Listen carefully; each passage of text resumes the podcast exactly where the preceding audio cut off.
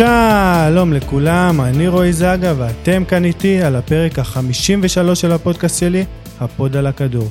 היום אנחנו בפרק מיוחד, כמו כל פרק בעצם, לסיכום הגמר של היורו, לסיכום בעצם כל הטורניר היורו, אבל בדגש על הגמר.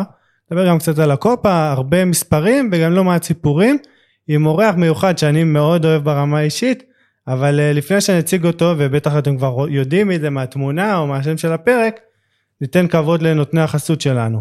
הפרק בחסות דוגלה ספורט, החנות עם מבחר כדורי הרגל הגדול ביותר בישראל, ומגוון אביזרים רלוונטיים נוספים כמו מגיני עצם, כפפות שוער, גומיות התנגדות וכיפות סימון.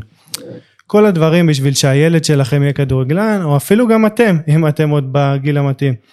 תוכלו להזמין באתר האינטרנט דוגלה, dugla.co.il, או בחנות ברחוב המפעל 5 בתל אביב, וכמובן יש לנו גם את שיתוף הפעולה עם העמותה עיגול לטובה, שבעצם אה, יכולה לקחת את האגורות הקטנות, הכסף הקטן שלכם, ולעשות ממנו שינוי גדול במעל 200 עמותות אה, שקיימות אה, במדינה, בהמון מגוון תחומים.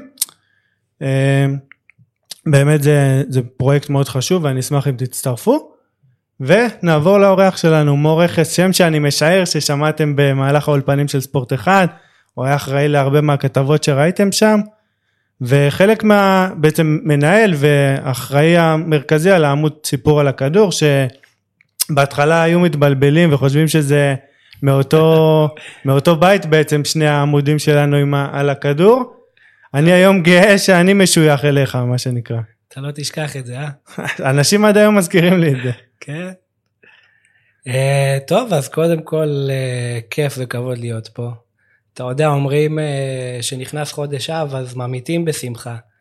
אבל uh, באו לנו כאלה אירועים ו- וגמרים שאני אישית, אתה יודע, כל כך חיכיתי להם, שזה ארגנטינה ואיטליה, אז אנחנו באים עדיין באופוריה. ויהיה מגניב. כן, לגמרי. כן. יהיה מגניב, ובאמת, אנחנו נדבר אה, הרבה בפרק על הסיפורים האלה והדברים הקטנים שהופכים את הכדורגל ליותר מסתם משחק. אבל בוא בכל זאת ניגע בכדורגל עצמו, שזה גם כן כיף וחשוב לדבר על זה, אז אה, הגמר שכבר יומיים עברו בעצם היה בראשון בערב, אנחנו מקליטים בשלישי. אה, אנגליה פתחה אותו טוב, עם, שער מוקדם באמת ממהלך טקטי טוב של סאוטגייט שיצר את השלושה בלמים, נתן לשואו את החופש ההתקפי, היה פנוי באמת לרוב המהלך. האנשים שהסתכלו, בבר שראיתי אמרו מה, איך הוא פנוי? זה לא היה כי איטליה לא עושים הגנה טוב, אלא פשוט אה, באמת מהלך טקטי חכם שם של סאוטגייט. בטח בפתיחה עוד הם בכלל לא התכוננו לשינוי הזה, לא היו מוכנים. עשה את זה כמו שצריך. ו... ומשם נעלם סאוטגייט. המשחק, אה, לפחות שאנגליה התחיל להידרדר, בכלל לא שלטו במשחק, איטליה כמו שעשו לאורך כל הטורניר עשו את זה, שלטו, ניהלו את הקצב, אמנם לא קטלי שאני מאוד קיוויתי שיקבל דקות משמעותיות לא קיבל אבל וראיתי שבכל זאת יותר טוב ממנו עשה את זה מעולה, ג'ורג'יניו בטורניר מעולה שגם נדבר עליו בכלל הקישור האיטלקי כמו לאורך כל הטורניר היה מעולה. והגיע גם השער אה, שער השוויון. וסאוטגייט היה לפחות בעיניי ובעיני כל מה שאני שקראתי וראיתי היה צריך, היה צריך לעשות שינוי התקפי. גריליש שבמהלך הטורניר עשה כמה כאלה super sub במהלכי super sub נכנס אם אני לא טועה ממש לקראת הסיום. או הסיום החלק החוקי או תחילת ההארכה אני כבר לא, לא בטוח. התבלבלתי מרוב כל הטענות שראיתי עליו. ויש גם את מה שכולם זוכרים ודיברו עליו הרבה על ההכנסה של שני השחקנים לקראת הפנדלים, הפנדלים כן. וגם סאקה שבעט הרי בן ה-19 פנדל ראשון בקריירה הבוגרת שלו פנדל חמישי הפנדל הכי מפחיד שיש. לא ברור לא ברור עדיין. לא ברור תשמע אני לאורך רוב הטורניר ואמרתי את זה גם כאן ב pod אני תמכתי בסאוטגייט כי הוא עושה הרבה דברים כן נכונים בטח בפן ההגנתי ולמרות שאנגליה יש לה המון כישרון התקפי ואני גם ציפיתי ש... בפיגור או ב, לא בפיגור בעצם בשוויון בבית במשחק גמר הוא כן יכניס אותם בשלב מוקדם יחסית לא עשה את זה אבל ניהל הכל נכון הגנתי יחסית נסוג עקץ במתפרצות עשה את כל מה שצריך. סטרלינג שדיברו עליו נתן את הגולים באמת אה, כמעט הכל היה נכון ואז הגיע למשחק הגמר שגם בו כמו שאמרתי היה את ההברקה הזאת עם שואו. ונעלם כי כאילו המאמן אתה יודע באמת קרה לו איזה משהו ובאמת, אני חושב באופן אישי, אנשים אמרו, וקראתי גם בכל מיני מקומות, שאיטליה, אחרי כך כל מיני חילופים, ושקיאזה ירד, ושמובילה ירד, הייתה בהרכב ממש חלש. נניח שכן, נניח, אני יוצא מנקודת הנחה. איטליה אין כזה דבר חלש, זה... ניגע בזה, אבל נכון. אין כזה דבר. בדיוק, טוב שאתה פה. אבל הנקודה המקצועית גם, שגם, בדיוק, בדיוק מה שאמרת, שגם אם שחקנים קצת פחות טובים, הם נראו הרבה יותר טוב מהאנגלים לאורך רוב המשחק. והוא לא, לא שינה, זה כאילו משהו א' ב' אתה יודע של אה, בספרטק רמת גן שמזוהה איתך או עוז בליגות הנמוכות שהוא משחק, זה א' ב' שהקבוצה צריכה שינוי ונתקעת. תראה, סאופגייט הוא, לפחות ברמה האישית אני חושב, זה לא מאמן שחי את המשחק. בדיוק. זה לא מאמן של קבוצות גם שהוא יכול, אתה יודע, להתנסות ובאמת שבוע אחרי שבוע. זה מאמן של נבחרת שהוא בפן הטקטי, הוא מסתמך ממש על נתונים. יש לו אנשים שמכינים לו נתונים שבאמת לקחו אותו לגמר. אבל כשאתה מגיע למשחק כזה ואתה באיצטדיון הביתי שלך ואתה כובש ב, ב, בדקה השנייה, אתה, אתה לא יכול לזרום עם המשחק, אתה צריך להכות על, ה, על הברזל שהוא חם, ושם בעצם הוא טעה. ואני שוב אומר את זה, נגד כל, כל נבחרת אחרת בעולם, אני מאמין שהטורניר הזה די נסלל לאנגלים. גם מבחינת ההגרלה וגם מבחינת האירוח. ה... האירוח שאתה יודע, ממש הם אירחו את הטורניר. כן, לא מדברים על זה מספיק ו- באמת. כן, וכל נבחרת אחרת בעולם אני חושב שזה היה מספיק, האווירה של ומבלי והש, והשאר המוקדם, אבל נגד האיטלקים זה, זה משהו קצת שונה, אנחנו ראינו באמת ש, שלאורך כל ההיסטוריה, לא רק בגמר הזה, האיטלקים שהם עם הגב לקיר, אז פתאום אתה מגלה משהו אחר, אתה מגלה את הדם הכחול שלהם, כמו שאומרים, ובתור אה, אוהד נבחרת איטליה שנים רבות, אני לא דאגתי מה, מהשער. כל אלה שמסביבי אמרו, מה, כזה שער, דקה שנייה הלך. זה גם, כמו שאנחנו זוכרים, גם ב-2006, בגמר מונדיאל, הם ספגו ב... בעשר דקות הראשונות, והם חזרו והם שלטו על המשחק בדיוק כמו שפה. אז uh, סאופגייט עשה טעות שבאמת הוא לא הלך בכל הכוח על המשחק הזה, והוא חשב יותר מה, מהמוח ולא מהלב. ופה בעצם זו הייתה הטעות הגדולה שלו, לפחות ככה אני חושב. בתור, בתור באמת אוהד של הנבחרת הזאת שנים, כמו שאמרת, מעניין אותי לשמוע האם לפני הטורניר האמנת שיקרה כזה דבר, זכייה? אני, זה, זה הקטע, שאיטליה באה במומנטום, אני יודע, אין, הם לא, לא יעברו את השלב בתים, אבל שהם באים עם, ה, עם הגב לקיר ושמספידים אותם, אז אני, אני בטוח בזה. אני גם לא מתבייש להגיד, אתה יודע, אני גם הרווחתי כסף יפה בזכותם. אני אמרתי על אנגליה אה. והייתי קרוב מאוד והפסדתי. וגם כל מי, יש, יש פה עדים, כל מי שאמרתי לו תחילת הטורניר זה היה איטליה. כן. ובאמת היה פה אנחנו- גם גיל כנל מהפודקאסט של יוסי, גיל כנל הנהדר, שגם כן היה פה בפרק אה, לפני השמיניות ואמר אה, שהוא הימר עוד לפני הטורניר, אז אה, אורי קופר בטח שמעת הימר עליהם גם לפני הטורניר, אז אתה בחברה טובה מה שנקרא. אז אני יכול להגיד לך שלאורך ההיסטוריה, לא רק עכשיו, כל פעם שהאיטלקים מגיעים כביכול במומנטום שלא סופרים אותם, גם אם נלך אחורה, אתה יודע, במונדיאל ב-82, הם הגיעו עם, אה, עם אה, פאולו רוסי, שזה חלוץ, הוא היה כביכול הכוכב שלהם, הוא לא שיחק שנה שלמה. והם סיימו עם שלוש תוצאות תיקו בבית המוקדם ובקושי עלו, והיה שם מרד נגד העיתונאים, אתה יודע, הם באים להוכיח, אף אחד לא יעצור אותם. גם ב-2006 עם הקלצ'יופולי שבאמת זה לא, זה לא הגיוני ש, שתוך כדי המחנה אימונים של הנבחרת באים וחוקרים ומורידים לאנשים יודעים ששנה הבאה מגיעה והם לא מקבלים משכורת והם יורדים ליגה. ושמעמידים אותם עם הגב לקיר זה כמו שאמרתי בהתחלה הדם הכחול יוצא. וככה גם אה, היה הפעם, אתה יודע, איטליה למרות שהם נתנו טורניר מוקדמות מושלם, כן. מושלם במלוא מובן המילה, אף אחד לא ספר אותם, ראו, נדמה לי הם היו במקום השמיני או התשיעי בסוכנויות הימורים, ו... וברגע שזה היה אז ידעתי שיהיה טוב.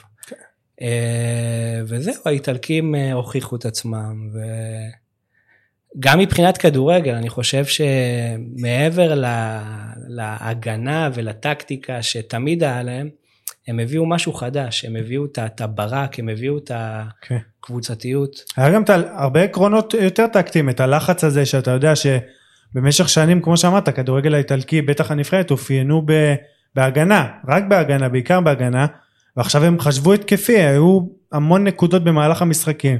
כשאתה רואה בלם או קשר אחורי כמו ז'ורג'יניו נגיד, או בטח המגינים, ספינצולה בעיקר, ששיחקו כשחקני התקפה, וזה משהו שבשנים הקודמות, כמו באותו מונדיאל 2006, המאוד מרגש גם מבחינתי, היה שם בעיקר הפוך, היה שם כדורגל יפה עם הרבה שחקנים כמו טוטי. אבל לך ו... את בופון ואת uh, קנברו בטורניר חיה. ונסטה. ועל... נסטה פחות, הוא נפצע ומטרצי דווקא נכון. נכנס במקומו. אבל אז היה לך את השחקנים עם הברק, שידעת שגם אם הסתמכו על ההגנה, פה זה פחות היה לך, כאילו עם נכון. כל הכבוד לצ'ירו. לא, אבל כאן, בדיוק, זו הנקודה, אני רק, שכאן, בדיוק כמו שאמרת, לא היה שחקן אחד מעל כולם, אבל היה נבחרת עם עקרונות טקטיים, שלוחצים קדימה, מניעים את הכדור, לא לשם ההנאה כמו אצל אותו ספרד, שאנשים טוענים שנראתה יותר טוב בחצי, אבל עובדתית, היא הניעה את עצמה לדעת מה שנקרא ולא ניצלה את זה. וזה דרך אגב זה הדבר הראשון שמנצ'יני קיבל את הנבחרת הוא אמר אני מבחינתי אני לא עם כמה שהדרך הזו הובילה אותנו במשך שנים וגם הניבה תוצאות מנצ'יני אמר אני משנה את זה. והוא הלך על זה בכל הכוח ושיחק אותה אני חושב שאולי חוץ מהמשחק נגד ספרד הבית המוקדם היה מושלם. מושלם. ונגד בלגיה שהייתה כביכול המועמדת הרצינית לשחייה הם העלימו אותם. שזה עם כל הכבוד זה הטורניר של מנצ'יני ואני בטוח שניגע בו בהמשך. אז בוא, אבל... בוא ניגע בו כבר עכשיו עם הסיפור הזה ש... זה לפני הסיפור, זה קודם כל מנצ'יני, הטורניר הזה בצלמו ובדמותו, ותראה מנצ'יני הוא, הוא לא מאמן חדש, אבל נוצרה סטיגמה שהוא כביכול מאמן עם כוכבית. עכשיו, מה זה אומר? ב... באיטליה, שהוא אימן את אינטר, אז הוא זכה באמת באליפות אחרי המון שנים. אבל מה כל התקשורת וכל האוהדים אמרו זה, זה אליפות בגלל שהיה את הקלצ'יופולי. ואת יובנטוס הורידו ואת שאר הקבוצות החלישו משמעותית תקציבית. אז לא היו לו מתחרים. עבר למנצ'סטר סיטי. מנצ'סטר סיטי מעולם לא, לא דגדגה את הצמרת שם. והוא לקח את האליפות הכי, הכי דרמטית דרמטי. בתולדות הפרמייר ליג, וגם מה אמרו? אמרו זה הכסף של, ה, של השייחים. וככה נוצרה סטיגמה שלא משנה מה הוא עושה ומה הוא זוכה, הוא מאמן עם כוכבית. ופה באמת הוא קיבל את איטליה, ומה שהוא עשה זה היה מדהים. אני לא ציפיתי, ידעתי שהוא יביא, יביא איתו משהו חדש, אבל לא ציפיתי עד כדי כך. הוא באמת בנה אותה בצלמו ובדמותו, וגם לאורך הטורניר הוא, הוא הסתמך על דברים מהעבר שאותי באופן אישי ממש ריגשו. נניח יש את ה...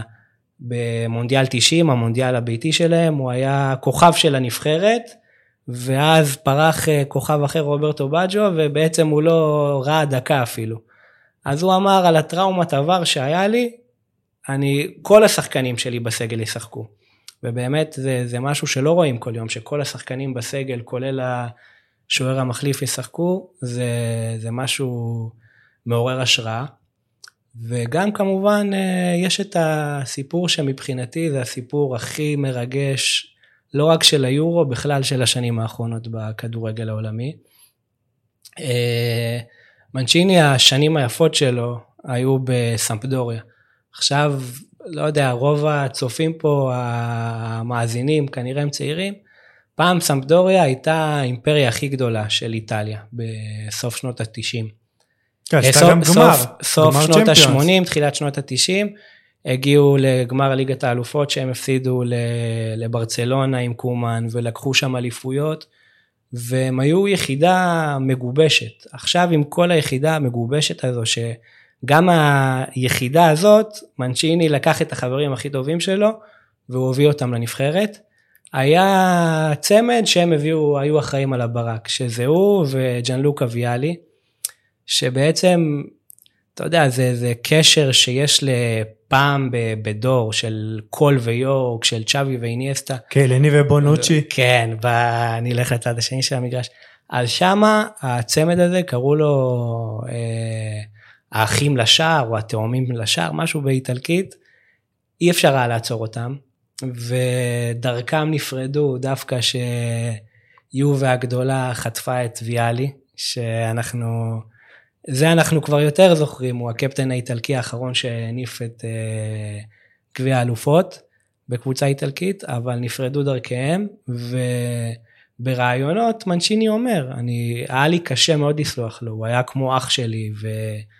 הוא לא שיתף אותי בעזיבה, וגם הם שניהם מדברים, הם שניהם גברים איטלקים, מאצ'ואים כאלה, ואתה רואה שהם מדברים על זה, ועדיין יש להם דמעות בעיניים. אז כל ההיסטוריה הזאת הייתה לפני 30 שנה. נעבור קדימה. אה, ויאלי, לצער, לצערנו הרב, הוא בשנים האחרונות חלה בסרטן, וזה היה סרטן שבכבד, לא הרבה נתנו לו סיכוי.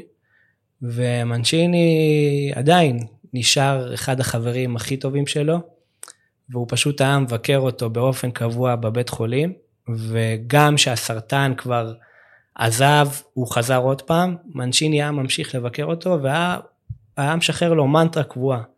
תראה, אתה תצא מזה, ואתה תהיה איתי בנבחרת ביורו. וואו.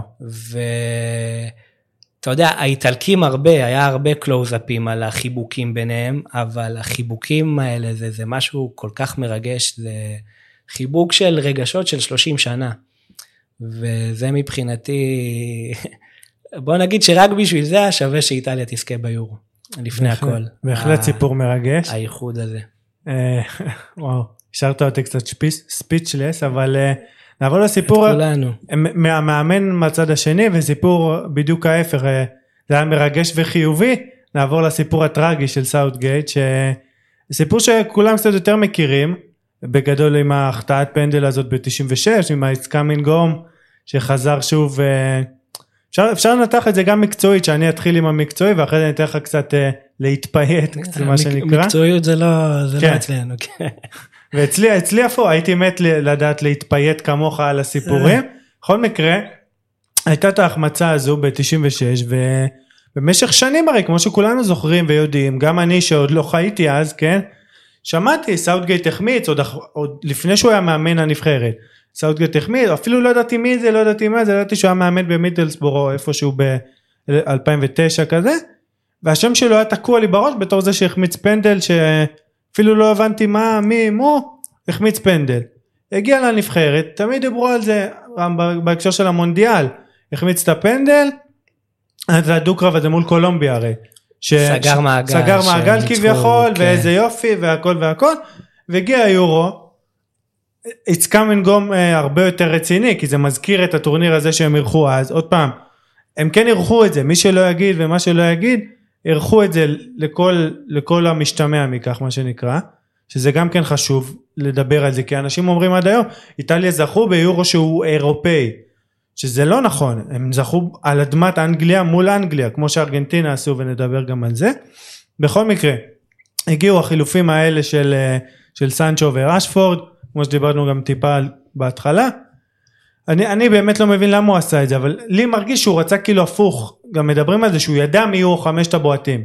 בזה גם משהו מאוד מוזר, אבל מצד שני הוא כאילו, כאילו ניסה להימנע מהטראומה הזאת במידה והיא תגיע, אז הוא אמר אני אכין את ה... הוא התבסס על מדע, אני יודע שיש אה, מחקרים שמראים שהשחקנים שהכי פחות, בוא נגיד, חושבים, הכי פחות עמוקים, הם ירוצו לך לכדור, מצטער על הביטוי, כמו, כמו סוס עיוור ולא יתרגשו, יבטאו אותו. ובכל זאת, כאילו, אני מניח שאם אה, סנצ'ו וראשפורד היו משחקים והיו יותר חמים, אז זה היה מכניס אותם. בטוח. אבל שמכניסים אותם דקה לפני, יש בזה גם בלי, משהו משפיל אגב. בלי לגעת בכזה, זה, זה לא רק משפיל, זה גם מוזר. ש... כי אני בטוח שהוא אמר להם, אתם תיכנסו לבעוט הפנדל. אז זה גם מעצים אצלם את, ה, את התחושה של האחריות. זה... אני בדעה ש, שגם אם הוא היה נותן להם עשר דקות, זה, זה היה משנה את התמונה. ברור, אני, אני בטוח, אני בדיוק באותה גישה.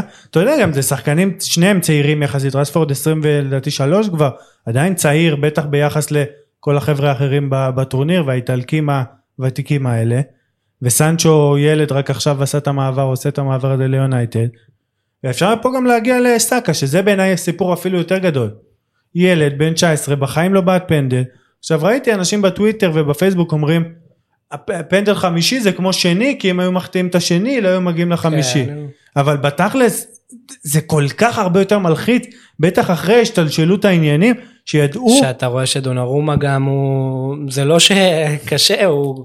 הוא בלתי, עצ- בלתי עביר מה שנקרא. כן, כן. ו- ועוד אחרי שהוא ראה שז'ורג'יניו הגדול שאחד הפנדליסטים הטובים בעולם החמיץ ושני החברים שלו שנכנסו במיוחד לפנדלים החמיצו. אני אה, באמת לא, לא מכיר מישהו שיכול להתגבר זה על... היה תסריט ידוע מראש, אבל אה, אתה יודע, זה הכדורגל, ואני מבחינתי מאוד, היה לי כיף לראות, גם שזה בצד, ה... בצד המפסיד, לראות אותו איך הוא הולך ו... ומנחם את השחקנים, כי הוא בעצם עבר את זה על בשרו, הוא חווה את זה על בשרו. ו... שמע, אנגליה, אין מה לעשות, הם לא זכו, אבל הם, אה, הם הרוויחו בחזרה את אה, אהדת הקהל, שבכלל סאופגייט, מאז שהוא לקח את הנבחרת, גם חצי גמר מונדיאל וגם עכשיו גמר, אה, יש להם תלקיט ש, שידבר עוד. אז אה, בסדר, הפסדים קורים, במיוחד נגד איטלקים, והם ימשיכו. בהחלט. אני רוצה לציין רק שאנחנו כאן באולפני פודקאסט סטודיו הנהדרים, אפילו יותר ממנצ'יני. אין מלכדים- יותר ממנצ'יני, אבל אה, מסכים איתך.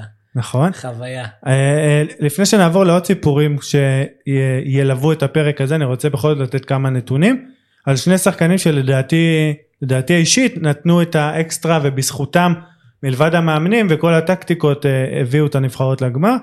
הראשון זה היו הרבה שחקנים באיטליה שבלטו אפשר גם זה חלק מהעניין שלא היה בדיוק אחד דונרומה לקח את זה כי הוא אולי הסמל עם כל הפנדלים שהם עברו פעמיים ובכלל לא ספגו הרבה אבל היה גם את שני הבלמים בעצם קליני ובונוצ'י שהיו טובים את ספינצולה שעד שנפצע לדעתי הוא היה MVP בעיניי הגיע משום מקום. אה, בוא נגיד לאוהד הכדורגל הממוצע. אפילו אני אני חייב להגיד שאת השם הכרתי את השם הכרתי כאילו זה לא היה חדש לי השם אבל אני לא לא שיערתי בחיים שהוא ייתן טורניר כזה ואבל השחקן שבעיניי בעיניי אישית היה הכי טוב זה ז'ורג'יניו שגם כן שחקן שהיה הגיע כאלוף אירופה עם צ'לסי ונתן עונה אדירה בצ'לסי אבל זה גם זה שחקן כזה שעוד בימים בנפולי הוא היה טוב בקבוצה שלו תמיד הכי הכי משמעותי מנווט את המשחק חוטף ואותו הכל. ג'ורג'יניו, אה, ונטורה, שלא הצליח לעלות למונדיאל ב-2018, אמר, השחקן הזה הוא, הוא לא מספיק טוב בשבילי.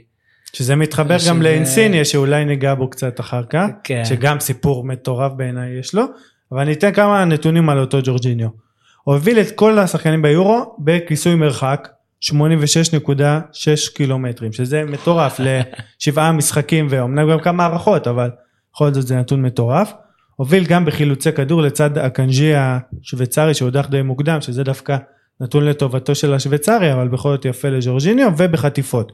בעצם בשני הנתונים ההגנתיים, לפחות בעיניי, יחד עם תיקולים, אבל הכי חשובים, בעצם בלמנוע התקפות של היריבה, הוא הוביל את כל השחקנים בטורניר, ובכיסוי מרחק, שזה בעצם, אם אתה שואל אותי, כאתה יודע, חובב כדורגל, לא איזה מאמן, אמנם, אבל עם עשרות שעות הכדורגל שאני רואה בשבוע, בעיניי זה הנתונים הכי חשובים לקשר אחורי. זה שחקן של, זה שחקן של עבודה, זה שחקן של מאמן, והשחקנים האלה לצערנו, לא לצערי, זה השחקנים שפחות, אה, פחות מקבלים את ה- פחות את הבמה. מקבלים את, ה, את הזרקור, בוא, שבוא, בוא נקרא לזה ככה. ואני חושב שגם שחקן שלוקח לא בתור ממש בורג אה, חשוב, גם את ליגת האלופות וגם את, אה, את היורו, זה שחקן שהדרך שלו, בוא נגיד לה, לזכייה בתור, בכדור הזהב, זה, אני לא רואה אופציה אחרת. עם- נדבר על זה, עם על- כל הכבוד למסי נדבר על הבחור. ש- שבקופה אמריקה. אה, אבל כן, איטליה, אנחנו ראינו, איטליה זה, זו, זו נבחרת שבאה לעבוד. לא, אין לך שם כוכב כמו רונלדו, דה בריין או ארי קיין, זה שחקנים ש, שבאו לעבוד. ואתה יודע, חברים שלי שפחות בקיאים בכדורגל האיטלקי, היו בהם, מה זה, לוקטלי, ברארדי, אה, ססואלו, כאילו מה, החלוץ שלכם זה, אתה יודע, האיטלקים היו ידועים בתור ה... האימפריה של החלוצים, ופתאום כאילו אימוביל מילציו זה, זה הכוכב שלך בהתקפה. אז כמו ג'ורג'יניו באמת שבא לעבוד, ככה הוא, הוא מראה לכל הנבחרת שלו. זו נבחרת שבאה לעבוד ועבדה ו... וזכתה. ואני בזכות. רוצה אבל בכל זאת מפה לעבור גם לתת פרגון לצד השני. היו המון שחקנים, גם אנגלים שבלטו לטובה ביורו הזה, היה את אה, צמד הקשרים בעצם, דקלן רייס ופיליפס, קלווין פיליפס, שמגיעים מקבוצות גם כן די קטנות, מווסטהאם ומלידס, שעשו עבודה מאוד יפה בקישור, את לוק שואו שהוא אחד השחקנים האהובים עליי, שנתן טורניר מצוין, וכמובן את קיין וסטרלינג שהיו אחראים לשערים. ואני רוצה לבחור דווקא בשחקן שהוא גם כן, לדעתי אם, אם תחפור קצת תמצא עליו הרבה סיפורים, שזה הארי מגווייר. מגווייר, כן.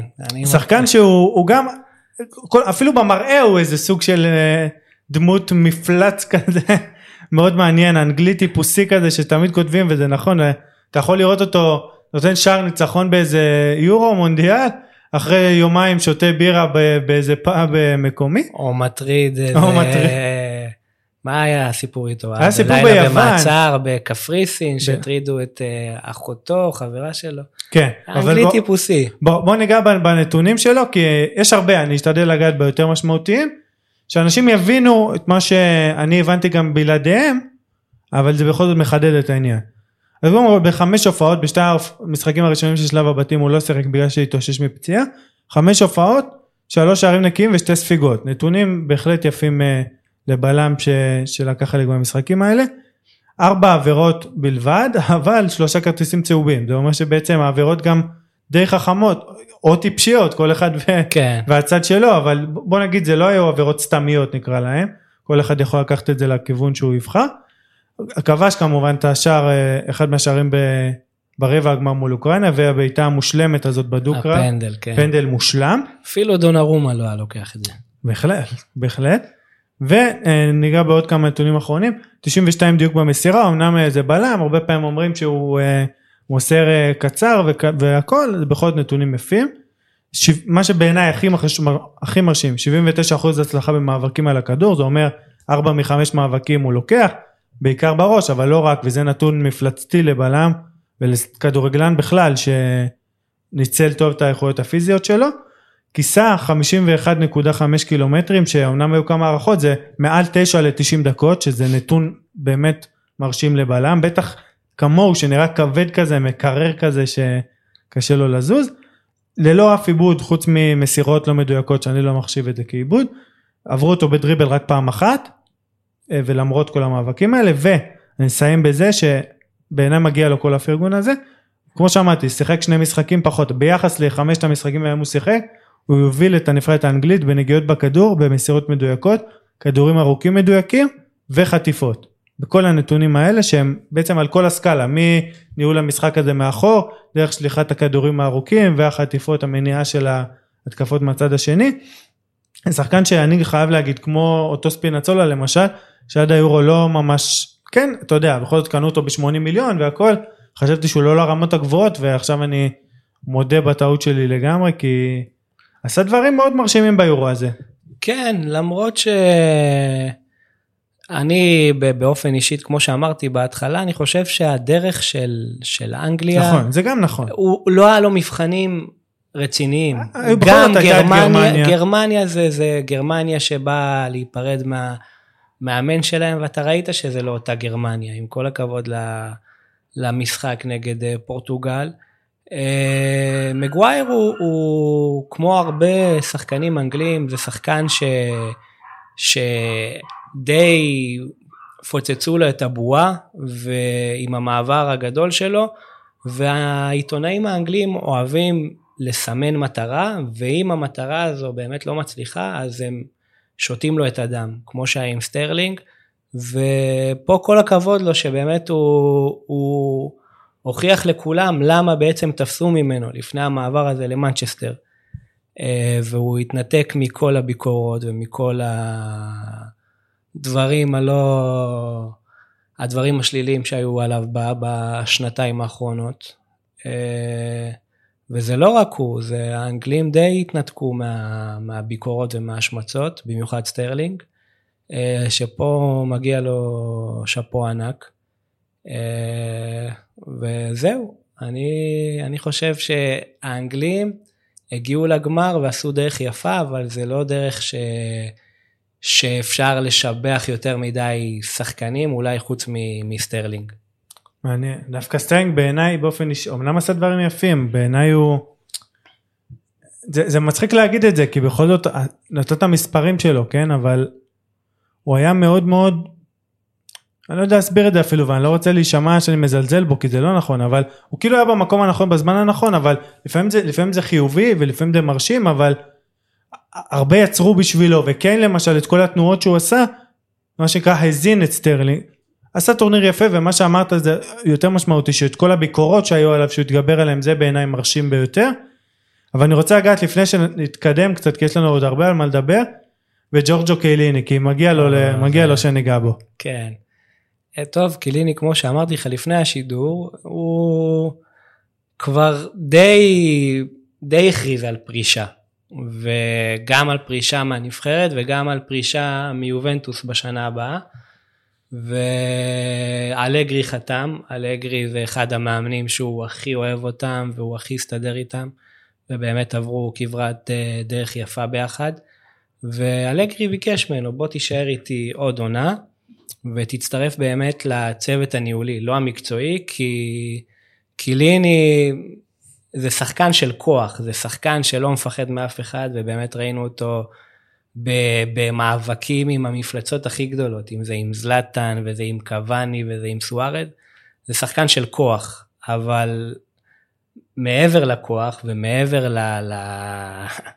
לחייתיות שבו, קיליני הוא גם אה, חתיכת ראש, הוא הוא, בוא, בוא נקרא לו סטודנט מצטיין. בהחלט. יש לו, יש לו תארים בכלכלה ובניהול ואת כל הדוקטורט שלו, הוא עשה על המודל העסקי של יובנטוס.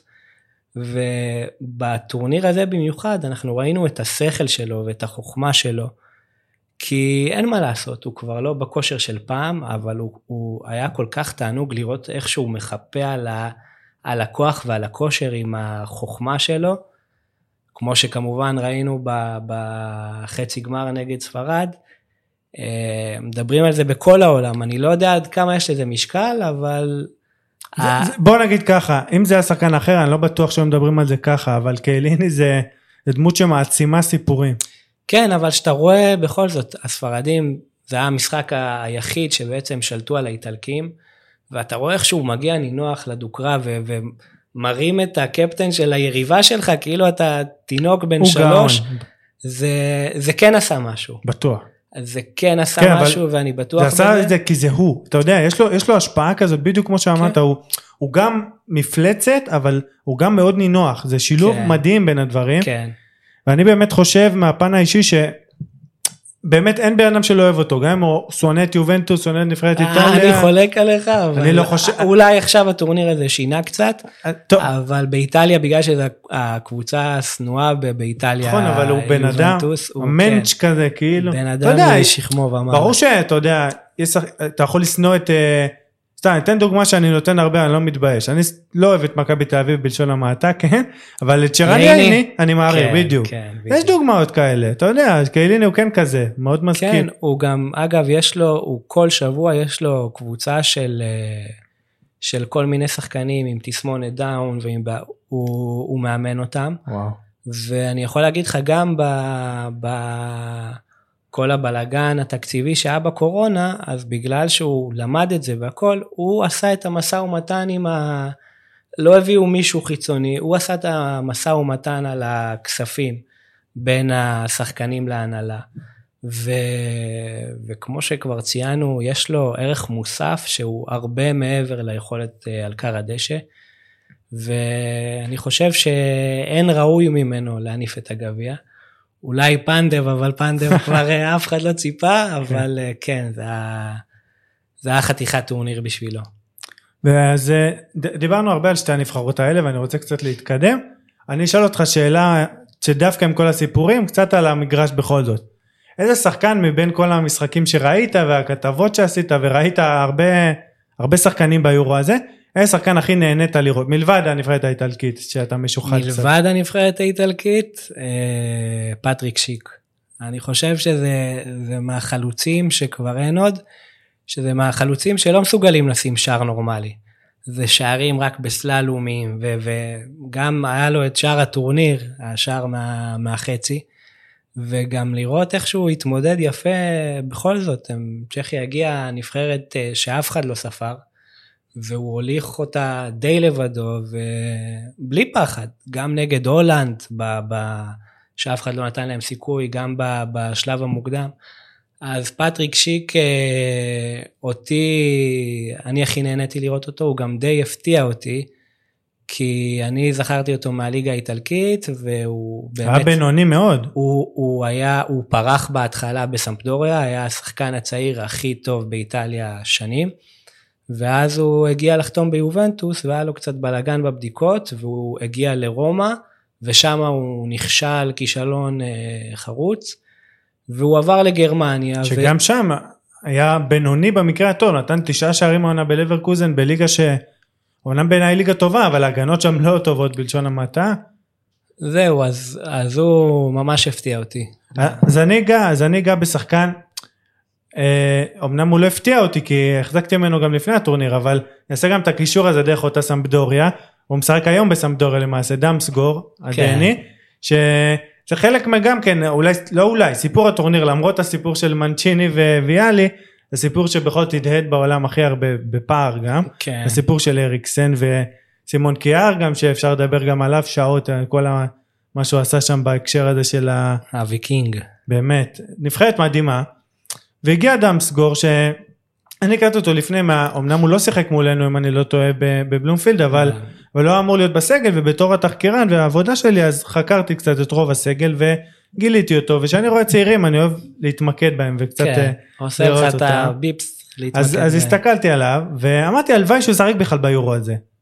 ואז הגיע צחוק הגורל לגמרי והוא קיבל את העמדה אולי הכי משמעותית בנבחרת הדנית למלא את הנעליים הכי גדולות. שזה גם עמדה שחשבו ש, שלא יהיה להם מחליף בדיוק. לאריקסן. בדיוק והוא עשה את זה בצורה הכי בצורה- טובה שאפשר. כן, מדהימה. באמת מדהים ואני רוצה עוד שחקן אחד לגעת ואולי דרך זה נעבור למאמן שלו גם שגם אה, סיפור יפה יש לו שזה פדרי. פדרי ילד בן למעשה 18 עדיין שהתחיל רק העונה עדיין לא התגייס. התחיל רק העונה בברצלונה. בעצם אפשר להגיד התגייס לברצלונה אבל התגייס לזה והוא שחקו אותו כאילו איזה לוחם באמת. שיחק הכי הרבה משחקים אני לא טועה בברצלונה העונה. זה מה שזה לא הכי הרבה דקות בטוח אבל הכי הרבה משחקים. ואז הגיע ליורו. בהתחלה אם אני לא טועה הוא לא התחיל בהרכב אם אני לא טועה זה מה שזכור לי. אבל אה, באיזשהו שלב אה, אה, אנריקה הבין שהוא חייב לתת לו את הדקות בעיקר כי הוא ערך מוסף פדרי כמו דיונג שרציתי לגעת בו אבל מפאת חוסר זמן ומפאת זה שהוא בכל זאת הודח בשמינית אני לא אגע בו אבל פדרי הוא, הוא כאילו רואה את כל המשחק בצורה שבאמת הכי גדולים ראו כמו אתה יודע כל הספרדים האלה שאפשר לדבר עליהם אבל גם כן. לי הוא מזכיר, לי הוא מזכיר הרבה את פירלו, לא, ב, לא בטכניקה, יש לו טכניקה הרבה פחות טובה לפחות היום. בראייה קדימה. בדיוק, בראייה, הוא כאילו רואה את המשחק, והוא גם יש לו את כל היתרון הזה שהוא רץ באמת כמו איזה חייל. הוא באמת. היה איזה רץ, אה, רץ מקצועי. 400, לא- רץ 200, עניינים כאלה. כן. והוא גם עד שהוא הודח בעצם באמת הוביל על ג'ורג'יניו, גם חיסה הכי הרבה מרחק בטורניר. כן. זה- ובאמת זה שחקן, היורו, אתה יודע, שחקן שכן הכרנו לפני, כולנו אחרי העונה הזאת בברצלונה, אבל היורו והטורנירים האלה יודעים להעצים שחקנים, כמו דפו למשל בארגנטינה, שאומנם גם לפני זה אני בטוח שהמסומן על ידי אותה אתלטיקו, אבל קיבל את הקפיצת מדרגה הזאת באופן רשמי, החותמת, בדיוק. באמת, ו... ופדרי עשה את זה הרבה בזכות אנריקה, שהיו הרבה דברים שאני לא אהבתי אצלו בטורניר, שהיו הרבה זימונים תמוהים, כמו יאגו אספת שאומנם מבוגר, אבל עונה חולנית, מלך, שערי, מלך בישולים בליגה הספרדית, שחקן גם כן עם המון סיפורים שאני מאוד אוהב, וסאול שאני אוהב ומכל מיני סיבות, גם כן לא היה בסגל רמוס, כן, והרבה הוא- שחקנים, עשה זימונים מוזרים בוא נקרא להם ככה, אבל הסיפור האנושי, הסיפור האנושי מתגבר על כל זה. כן, אה, אז הסיפור האנושי שלו באמת זה סיפור ש... שדי גרם לנו להבין על, ה... על היכולת המקצועית, בוא נגיד ככה, הוא אחד הדברים ש... שלי בתור אוהד כדורגל, אני הכי נהנה לראות, זה באמת את, ה... את המאמנים ואת השחקנים חוגגים עם המשפחות שלהם על כר הדשא אחרי ניצחונות. ואנריקה, אני באמת אומר לך, הייתי מחכה לזה, היה לו ילדה קטנה יפהפייה, שנה, וכל עולם הכדורגל הוכה בתדהמה ש... שהיא נפטרה. ואני אישית, אני לא, לא יודע איך אפשר לחזור מזה ואיך אפשר לחזור כל כך חזק. הוא פרש מהנבחרת כדי להיות עם, ה... עם המשפחה שלו. ו... הוא הגיע להחלטה שהוא ממשיך, הוא ממשיך בדרך ש, ש, שהוא התחיל בשבילה. וזה, אין מה לעשות, שמישהו כל כך קרוב אליך נפטר, אתה עושה הכל לזכרו, להנציח אותו. והוא חזר משום מקום, אחרי שעה לספרד טורניר מוקדמות מושלם, אם אני לא טועה, עם אה, מורנו, והוא פשוט בנה את, ה, את הסגל הזה לפי מה שהוא מחליט. ממש מחדש כמעט. הוא העיף את מורנו, הוא, הוא, התעל... הוא כאילו לא הזמין אף אחד משמעותי. אפילו אותו מ... רמוס שזה כן? היה שם גם כן? אומרים פציעה ועניינים אבל אני בטוח שהיה לו מקום לשחק, בסגל. כן והוא לקח באמת חבורה צעירה ו... ובנה אותה בצלמו כמו כמו שאמרנו עם מנצ'יני. הוא עיצב אותה כמו שהוא רוצה, ובסופו של דבר רק, רק מזל מנע ממנו, כי, כי ספרד באמת... ודונרומה, מזל ודונרומה. כן, כי ספרד באמת הייתה הנבחרת uh, היחידה שהייתה הרבה יותר טובה מהאלופה הסופית. וכן, הסיפור האנושי פה גם די מצביע לנו ש... שעם כל הכבוד ועם כל האהבה שלנו למשחק הזה, זה, זה רק משחק. ונריק בהרבה אספות עיתונאים, אתה יודע, יצא לי שערכתי את האייטמים, אז תמיד חיפשתי ציטוטים מיוחדים לקחת לאייטם, והוא חותם בכל מסיבת עיתונאים שלו שזה כדורגל. ו... הכתבים שואלים אותו, אתה קהל בבית, בטח מבואס מהתיקו, בטח מבואס... זה רק כדורגל. זה... ובסופו של דבר אה, זה רק כדורגל, ועם הכדורגל הזה הוא עשה עבודה נהדרת. אני חושב שיש לו תלכיד לשנים, וספרד תחזור לעצמה, היא תחזור לשנים היפות ש... שכולנו זוכרים. אני מקווה רק שהזימונים פעם הבאה יהיו קצת יותר אה, מובנים, אבל לפחות מובנים לי, אתה יודע כן. מה? היו שם כמה דברים שאני עד עכשיו לא מבין. אבל... בסופו של דבר זה, זה מבחן התוצאה, נכון. והתוצאה הייתה די, די חיובית. נכון. בוא נגיד ככה. בהחלט. אה, אני רוצה שנספיק לדבר גם על הקופה, כי יש שם סיפורים לא פחות מרגשים, אבל אה, ניתן קודם כל נבחרת הטורניר. אתמול רץ איזה משהו מפוברק שאנשים כנראה נפלו בו. היום וופא פרסמה את הנבחרת הרשמית, אני אקריא אותה ואולי נדבר על עוד איזה שחקן או שניים שלא קיבלו מספיק דיבור במהלך okay. הפרק. אז בשער כמובן דונרומה שגם נבחר לשחקן הטורניר למעשה, ה-MVP. אה, אולי היה לו מתחרה אחד שאני חושב שזה שמייקל ג'וניור, אבל אה, כן, הוא היה רמה מעל כולם.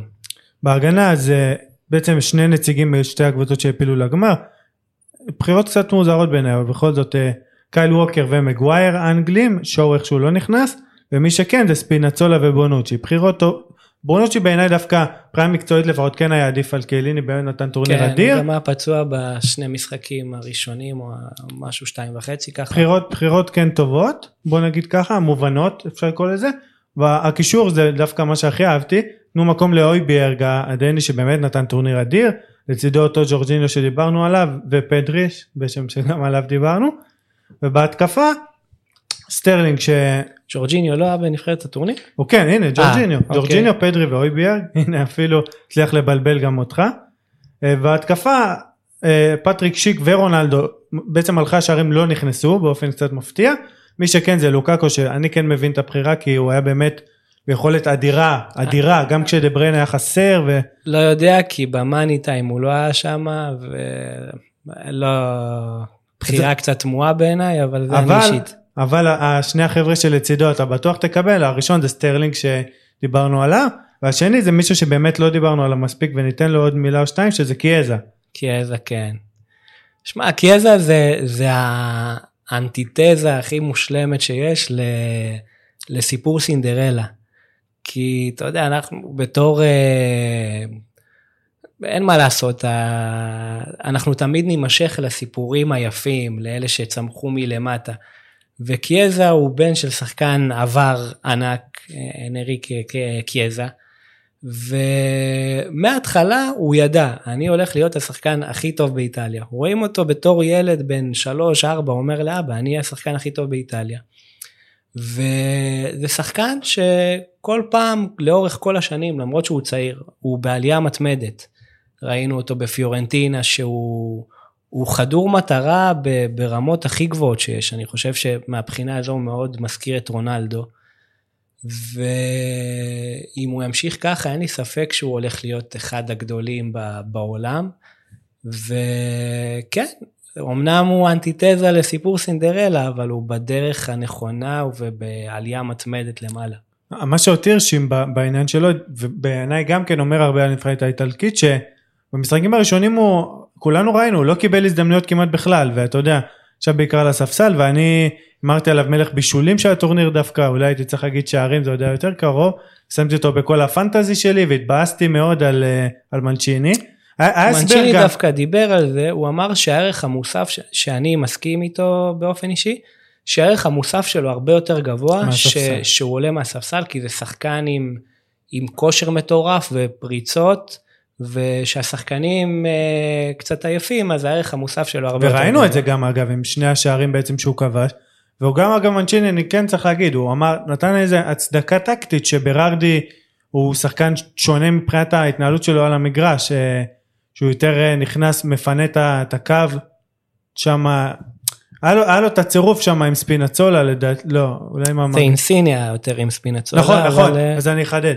אנסיני היה משחק שם עם ספינצולה אבל היה לו את הצירוף עם, אה, עם, אה, עם ספינצולה וגם עם לוקטלי שהוא היה נכנס לתוך הרחבה. נכון. שהוא היה נכנס לתוך הרחבה ומקבל שם זה וקיאזה ראה התבלבלתי אני אחדד הכל קיאזה נכנס לתוך הרחבה הרי זה מה שהוא עשה גם בכל הגולים שלו זה כן. וברארדי פותח על הקו פותח על הקו כל הזמן ועשה את הצירוף הזה עם לוקטלי בשני הגולים שלו במשחק השני נכון. וגם כן אה, ב-3-0, קיבל את הכדורים האלה שווייץ. מספינצולה על האגף שלם ונתן לתוך הרחבה או נכנס פנימה היה לו את ה... הם שחקנים שונים בכל המהות אז אז אה, מנצ'יני אמר ביחס למה שיש לי אני מעדיף לפתוח עם ברארדי כי הוא יותר מתאים למה גם בשלב, ה... בשלב מעולה, הבתים, עבד הוא, מעולה. הוא הוכיח את עצמו, זה לא שברארדי אכזב. לא לא היה פשוט מעולה קיאזה לקח את ההזדמנות ב- בשתי ידיים וזה אומר הרבה רגליים. אבל על הנבחרת הזו כי לרוב בטורנירים כאלה בטח כשמישהו עולה מהספסל ראינו את זה באותה אנגליה היו לך שחקנים כאלה הרבה כוכבים על הספסל וראו בפנים וראו בזה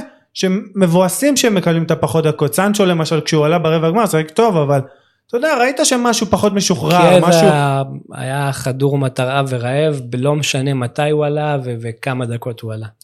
בהחלט אז אה, היה באמת יורו מדהים אני רק אה, אסגור אותו עם אה, ואלא אם תרצה להוסיף עוד משהו בקטנה אבל אני אסגור אותו עם המספרים שעשו לנו את היורו בעצם.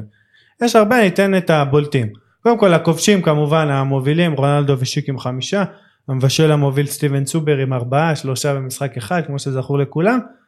הכובש המבוגר ביותר ניתן לך פנדב, כמובן והצעיר ביותר.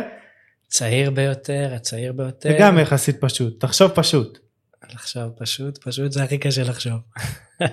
אז אני אעזור לך. מיקל דמסגור שדיברנו עליו בן נכון, 20 וקצת. כן. אה, אז ככה היו מעל מיליון צופים באצטדיונים אה, מיליון ומאה אלף 99 אם להיות מדויק אבל הגלתי 145 כרטיסים צהובים 142 שערים 90 כובשים שונים נראה לך הדברים היותר מעניינים 39 חילופים בגלל פציעות שזה הרבה מאוד ביחד לטורניר כזה קצר 19 שופטים שונים 17 פנדלים במהלך החמצות? המשחק מהם הובקעו 9 8 החמצות וואי, באמת, זה אחוז מטורף. 11 שערים עצמיים גם המון שאלה, כמה, כמה קייר? הוא אחד או שניים? אחד בסוף אחד אחד? אחד שמונה הערכות שישה כרטיסים אדומים וארבע קרבות פנדלים שבסוף גם הכריעו לנו את הטורניר אז אה, באמת היה טורניר באמת מדהים, אני חושב, אתה זכית הרי לקחת בו חלק, אה, חלק פעיל אפילו, בוא תסכם את זה אתה בכמה מילים. אה, כן, היה לי, הייתה לי חוויה מאוד כיפית ומאוד עוצמתית. הייתי בצ'ארטון שסיקר את היורו כל ה... מתחילתו ועד סופו, uh, כולל המשחקים שהיו ברשת בסוף.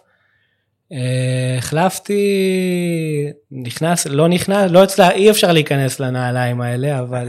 כן הצלחת גם לדעתי. בגדול שרון דוידוביץ' נכנס לפרונט והייתי צריך למלא את המשבצת של הכתבות צבע לפני המשחקים ובאמת זה היה תענוג אחד גדול כי מי שמכיר אותי אני, אני אוהב סיפורים לא פחות ממה שאני אוהב כדורגל וזה נתן לי באמת לרכז חודש שלם ברק לראות סיפורים ולחפש את הדברים האלה ש, שאני כל כך חי מהם והיה תענוג גדול היה תענוג גדול. ו...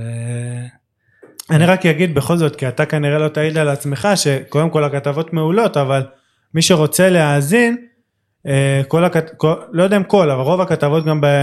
בעמוד הפייסבוק שלך העלית אותם, אז... אה, כן, בטלגרם גם, כי יש כתבות שיש איתם אה, בעייתיות ש... טיפה מזכויות יוצרים. אז, אז גם המאזינים, המאזינים שלנו הצטרפו, אני בטוח שהם גם, אם איכשהו מישהו לא מכיר אותך, ירצה לעקוב, וגם הכל בפייסבוק, בטלגרם, נצרף כמובן את התיוג ויעקבו. ובכל זאת אני רוצה, יותר, אני אחדד. איזה פינוקים יש פה באולפן, תדע לך. תודה רבה. אז uh, אני רוצה שנסיים עם, ה, עם הקופה אמריקה, שלצערי מעט מאוד דיברנו עליה פה בפוד, בגלל מגבלות כאלה ואחרות, אבל uh, בוא, בוא נגיד ככה, אם נדבר על הקופה, טוב שזה איתך, בוא נגיד ככה, כי, כי הקופה, אם כבר סיפורים, הקופה הזאתי לפחות, ובכלל, היא הרבה יותר סיפורים מכדורגל. כן. הכדורגל היה מאוד בינוני במקרה הטוב, הרבה אנשים אמרו וכנראה שזה נכון שברזיל הרבה יותר טובה והרבה יותר מוכשרת והרבה יותר עמוקה וזה בדיוק הוכיח לנו הקופה הזה עוד שברזיל מארחת וכל העניינים האלה ש, שיש דברים שיותר גדולים מהכדורגל דיברנו על זה בצד של אנריקה על, ה, על החיים והכל שזה גם נכון אבל גם אתה יודע הסיפור הזה של מסי שכל כך הרבה שנים חיכה לזה וחיכה כן. וחיכה וחיכה ואנשים כבר חשבו שזה לא יקרה, אני אישית חשבתי שזה כבר לא יקרה, שהוא לא יזכה בתואר עם הנבחרת ואתה יודע נתן טורניר מעולה למשל הטורניר הזה מספרית שאני באמת חושב שלא צריך לציין שגם אם הוא לא היה לוקח את הקופה הוכיח שהוא יודע לסחוב את הנבחרת. כמו שהוא עשה עד תמיד, עכשיו. נכון. אבל פה היה לו את הערך המוסף שזה דברים שלא התרגלנו אה, ואין מה לעשות מסי הוא בזכוכית מגדלת הכי גדולה שיש אצל כל אוהד כדורגל. ופתאום לראות אותו בטורניר כזה, זה... אני לא יודע אם זה זה שדייגו עלה למעלה או זה משהו מיסטי אחר, הוא היה פשוט מנהיג במלוא מובן המילה, גם המנהיג השקט שהוא תמיד. אה, יש את העמוד המצוין אולטרס ארגנטינה ש, שסיקר כל דקה ודקה, אתה רואה... נשתדל היה, שגם הם יבואו לכאן. היה להם מנהג לנבחרת אה, כל יום לפני האימון, להגיע עם כיסאות מפלסטיק ולשבת אה, בחבורה, אתה יודע, לא קשור לאימון, הגיעו לפני הזמן, ותמיד היית רואה את האווירה של הניחותא שמה, שזה מה שמסי תמיד הביא, את הרוגע. אבל מעבר לזה, אתה פתאום ראית אותו אש, אתה ראית אותו בדו-קרב פנדלים נגד קולומביה, שהוא הוא קילל שם, נדמה לי, את אה, מינה, בוא תרקוד עכשיו, יא איכו דה פוטה. ראית דברים, מסי יורד לגליצ'ים ומשחק עם דם, כאילו כלום לא קרה. וזה לא היה כזה דבר בעולם שברזילאים ירצו ש... שארגנטינאי ינצח עוד על האדמה שלהם. ואתה ראית את זה גם ביציעים וגם באווירה הכללית שהברזילאים פשוט אתה יודע, שמחו מזה, כמו כל העולם. ו... וכן, אין, אין אה, ראוי ממנו. וזה מרגש במיוחד, אני שם לב לדברים הקטנים האלה, שהפעולה האחרונה שלו בקופה הייתה גליץ', שמסי ירד לגליץ' בכזה טירוף, והוא אפילו לא הספיק לקום מהגליץ' הזה, הוא נשאר על הדשא והשופט שרק לסיום.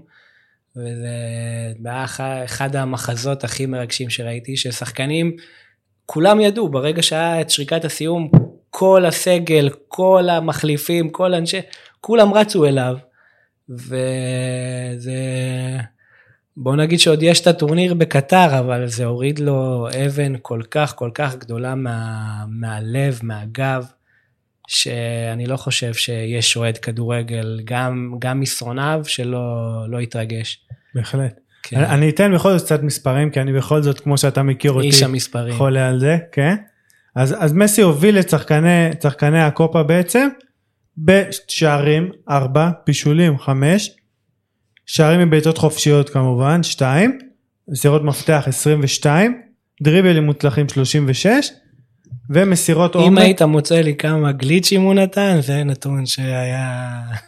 אז אני אדאג, אני אדאג לחפש ו... אני אשמח לדעת. אני אדאג לחפש ולפרסם את זה. כי עם... זה, זה המדד מבחינתי לשינוי ש... שהיה לו הטורניר הזה. כן, אז נדע, אתה צודק, כי באמת היה שינוי גם במדד הזה, ואני אשתדל גם למצוא בכלל כמה הוא רץ, כי אפילו את זה ראו שיותר מטורנירים קודמים, אבל אני רוצה גם פה שניגע קצת, יש עוד הרבה דברים בארגנטינה, אפשר לדבר, דיברנו על זה גם קצת במהלך הפרק, על דפו למשל, שנתן טורניר באמת אדיר, עשתה קפיצת מדרגה, שחקן שאני אוהב, עוד מימים באודינזה, שנתן הרבה שנים טובות שם, שבאמת קשר מאוד שלם, כתבתי על זה גם ברשתות החברתיות שלי. הוא 50-50, שכל 50 זה 100. זה בדיוק, לא... בדיוק. זה משהו שפה במיוחד, אה, מסי תמיד היה צריך לידו את השחקן 50-50, והוא היה מחובר מאוד לשחקנים האלה. שזה גם גגו שהוא גדל איתו, וזה גם... צ'אבי הוא מאוד כזה. וזה גם אבר אה, בנגה, הוא גדל איתם, אבל שני השחקנים האלה... אמנם היה להם תקשורת טובה איתו מבחינה התקפית, אבל הם לא ידעו לכסות עליו מבחינה הגנתית. ופה אני חושב שזה הערך המוסף של דה פול, ש... שאתה ראית כל פעם שמסי טיפה מסתבך, או מישהו נכנס במסי, אז הוא בא לידו. אגב, והוא... גם פרדס עשה את זה, היו לו ממש שומרי ראש. פרדס, כן, הוא, פרדס הוא, דווקא פרדס הוא פחות, הוא, היה יותר סגנון 10 והורידו אותו ל-50-50 ואני באופן אישית אני מאוד אוהב את פרדס אבל אני חושב שה-50-50 לא, לא כל כך תפור עליו. נכון. יש לו איכותיות, אה, איכות התקפית הרבה יותר מה... נכון אבל יש לו את ה... אתה יודע שהוא ננעל על איזה שחקן, כן, כמו שהוא כאילו נ... כמו ננעל על נימר שהוא החבר כן, הכי כן. טוב שלו בפריז. הוא עושה דברים באמת מדהימים שם גם כן. בטורניר, ובכלל היו עוד כמה, היה את מונטיאל המגן שנתן טורניר טוב וגמר בכלל מצוין. דימריה ש... תוצר של, של גז'רדו בריבר. זה... ודימריה שתמיד נותן את התפוקה שלו בסופו של דבר. אבל מה, מה שיותר מעניין אותי אפילו מהבחינה המקצועית זה הנבחרת הברזילאית, כי כמו שאמרת המונדיאל בקטר כבר די קרוב, שנה וחצי, ו... זה גם כן נבחרת שהיא בנויה הרבה על רגש, אבל יש לה גם שחקנים מעולים. כאילו בטורניר הזה יכלנו לראות, אמנם היו גם כמה שמות קצת פחות אה, גדולים, אבל השמות הגדולים אז היו את קסמירו, את אה, פ... תיאגו סילבה, פביאנו. אה, פביניו, אני תמיד גם מתבלבל. פביניו, תיאגו סילבה, ואתה יודע, אפילו דנילו כזה של יובה שמזלזלים בו קצת, הוא מגן מעולה. אתה יודע, בטח ביחס לחלופות בנבחרות האחרות, או רישרליסון של אברטון, כל מיני שחקנים כאלה, או, או ג'סוס ופירמינו, כל כך הרבה שחקנים שאתה יודע, כל כך הרבה כישרון, וזה משלב, הנבחרת הזאת של טיטי, צ'יצ'י, אני אף פעם לא יודע איך מבטאים כן. את השם שלו, אני ת, תמיד אהבתי את, את ברזיל, כמו שאנשים יש להם נבחרת, אני גדלתי על ברזיל הזאת של קקה יותר, קקה ורונלדינו לקראת הסוף שלו, וכל. הז'וגו בוניטו הזה המפורסם. כן. וגם עכשיו יש את זה, אמנם זה, זה פחות יפה ויותר תכליתי, אבל זה כדורגל שכיף לראות, אני בא, באמת, עם כמה שראיתי יורו והתעסקתי בזה, קמתי כמעט כל לילה לראות את ברזיל בקופה. לא יודע, הדרך של ברזיל דווקא הייתה פחות מרשימה. אני חושב שעם הסגל שהיה להם ועם כמות הכישרון, הם די ניצחו 1-0 פה, 1-0 שם, ו... אמנם ברזיל פחות התאמצתי לקום ב- בלילה, אבל מהתקצירים אה, אין מה לעשות, ברזיל אתה, אתה מצפה מהם תמיד לתצוגות כן, כן ולכדורגל כן, יפה. ו... אבל, אבל אולי זה מה, ש, זה מה שאני רוצה להגיד, אולי זה מה שלקראת המונדיאל יביא את הקפיצת מדרגה דווקא, כי שהיא שיחקה יפה במונדיאל האחרון בבית, וגם לפני כן אגב, אחרי ההדחה המזעזעת הזאת, אה, המונדיאל... נגד אה, גרמניה. גם המונדיאל מול... גם, ב- נגד בלגיה. גם ב-2018 בדיוק, היא שיחקה כדורגל יפה מאוד, ועפה, ומול גרמניה גם היא הייתה טובה מאוד רוב המונדיאל הזה, ועפה בצורה הכי מביכה כן. שיכולה להיות. אז אולי עכשיו אם הם ישחקו יותר הגנתי ויסתמכו דווקא על העוגנים ההגנתיים שזה קסמירו שבעיניי הכי טוב בתפקיד שלו כבר הרבה שנים והבלמים מרקיניוס, תיאגו סילבה אני לא יודע אם הוא כבר אה, שחק במונדיאל מפאת גילו ויש להם הרבה בלמים מעולים ושחקני הגנה בכלל טובים. וזה נבחרת שלדעתי הרבה אומרים את זה ואני כן מסכים שמבחינת עומק השחקנים שלה היא באמת הכי טובה שיכולה להיות כאילו אתה יודע פתאום שולפים לך איזה אברטון כזה שעכשיו הוא בבנפיקה תן תצוגות ופקטה הזה שנתן הרי שתי שערי ניצחון ברבע ובחצי שחקן שאני כבר הספקתי לשכוח מקיומו קצת מרוב שהוא עבר לליגה הצרפתית. כן, שמע, אבל גם אברטון הוא היה אחד השחקנים הטובים של, של אה, ברזיל בקופה הקודמת, וגם פקטה הוא היה כביכול אמור להיות הקקאבה, זה שחקנים שהם לא באו אלמונים. אה, אני חושב שהאווירה מאוד פגעה בברזיל, כי היה שם דברים מוזרים מאוד בהחלטה להעביר את הקופה לברזיל, שדרך אגב, הרי בהתחלה זה היה אמור להיות בארגנטינה, והעבירו את זה לברזיל, ש, שכמות התחלואה שם היא, יותר גדולה. כן, לא מדבר איתך מכלל האוכלוסייה, בחינת פר בן אדם, שזו החלטה הזויה. והציבור הברזילאי לא תמך, והברזילאים הם תמיד, אה, כמו כל הדרום אמריקאים, הם מאוד ניזונים מה, מהאהבה והאהדה של הקהל, ואני לא מדבר איתך דווקא ביציעים, כי ביציעים לא היה לנו את זה עכשיו בגלל הקורונה, אבל הם מאוד ניזונים מהאווירה ברחוב ומהלך הרוח, וזה לא היה. ואתה ראית שגם ברזיל הפסידה, או אולי נאמר לקח את זה קשה, אבל ראית גם בגמר שלא היה את, ה, את האווירה הזו של גמר ואת החיות של הגמר. וזה משהו ש... שבסופו של דבר אה, כן, הם. הרבה פחות, הרגיש שהם הרבה פחות רצו את זה מהארגנטינאים שהם כן, כן. ממש אה, נלחמו על כל כדור כאילו זה תלוי בחיים שלהם, זה. באמת היה תלוי בחיים שלהם, אני לא יודע אם הם לא היו לוקחים עכשיו, אם מתישהו היינו, אתה יודע, עוד מעט אה, לאו פורש, ו- ולך תדע כן. מה הם יצליחו למכור בלעדיו. ו- ואז- ובאמת ה- מבחינתם היה עכשיו או לעולם לא, וזה גם חתיכת תמריץ ל- למונדיאל, ש...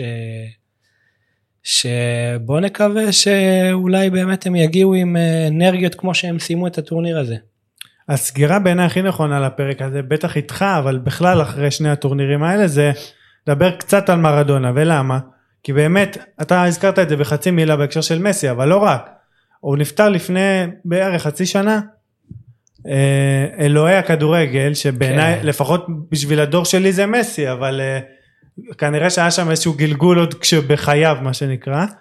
ו- וגם איטליה שזה בעצם הבית השני שלו שאתה יודע עד היום אתה יודע יותר ממני הכוונה עד היום יש אה, ציורים שלו בנפולי ובכל האזורים האלה של דרום איטליה בעיקר. כן. כאילו ממש כאילו גדל שם בערך או כאילו הוא, שמע, אתה לא יכול להגיד מרדונה ואיטליה, זה יותר מרדונה ונפולי, כי הוא עזב שם כאויב העם, העם האיטלקי, אבל אין ספק שזה מרדונה, זה לא משנה, הוא כל או, כך, או, או אפשר לקחת את זה אתה יודע מה? רוצה ניקח את זה הפוך מרדונה והאנגלים כן. מרדונה כן. נראה לי חוגג את ההפסד הזה של האנגלים אבל זה מרדונה, מרדונה כל סיפור שאתה רק תחפש אתה תוכל לקשר אותו מזווית כלשהי, שזה היופי שבו. הוא היה בן אדם כל כך צבעוני ו- וכל כך אה, דמות עגולה, שאת מרדונה תמיד נוכל לקשר מסיפור על אה, נזירה בטיוואן ועד לאיזה ילד רחוב בנפולי.